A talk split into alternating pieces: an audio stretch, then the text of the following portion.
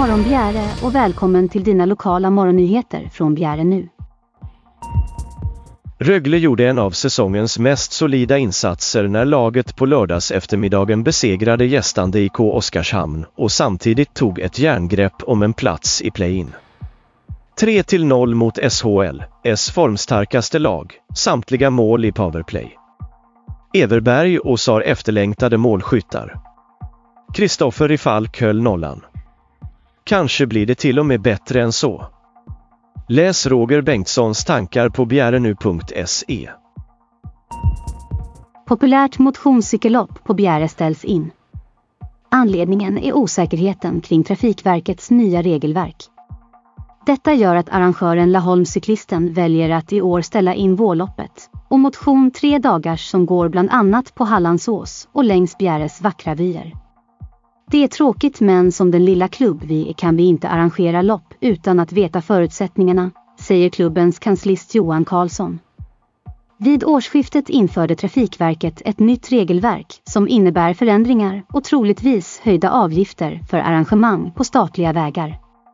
Nu råder det viss förvirring kring vad det är som riktigt gäller. I det nya regelverket ingår bland annat att arrangören ska stå för kostnader för att genomföra åtgärder på vägarna. Ingen vet vad för nya kostnader det här för med sig. Från årsskiftet får man inte pila eller skylta på statliga vägar. Det ska komma ett nytt beslut under våren, säger Karlsson i och med den osäkerhet som råder berättar Johan att man inte vet vad man har att rätta sig efter eller vad för kostnader det kan bli. Därför tar man det säkra före det osäkra och ställa in. Riksidrottsförbundet har tillsammans med andra förbund kritiserat det nya regelverket. Det är då man menar att det riskerar slå hårt mot idrottsevenemang som går på statliga vägar. Det blir Marcus Stolt som tar över driften av padeln i Båstads padelhall vid stationen. En lokal aktör med många idéer på hur verksamheten kan och ska utvecklas. Vi vill få tillbaka spelare i alla åldrar, säger Marcus. I slutet av 2021 tog företaget VR Padel över driften av padelverksamheten i padelhallen vid stationen i Båstad. Endast ett år senare knakade det rejält i företagets ekonomi.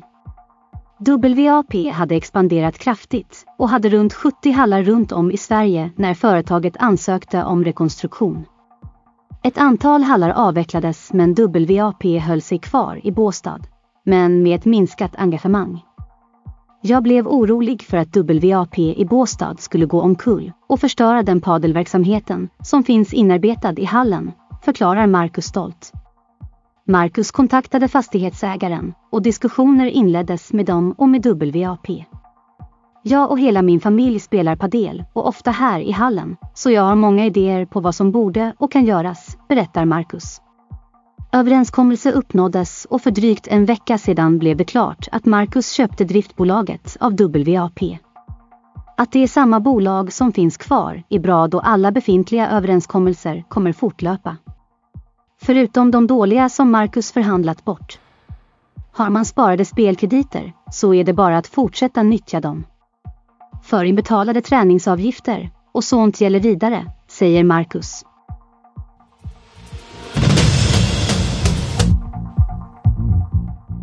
Efter en kylig natt inleds dagen med några minusgrader.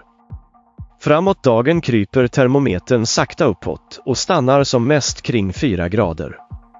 Det blir en hel del moln denna måndag men bakom dem finns solen som kommer att kika fram under dagen.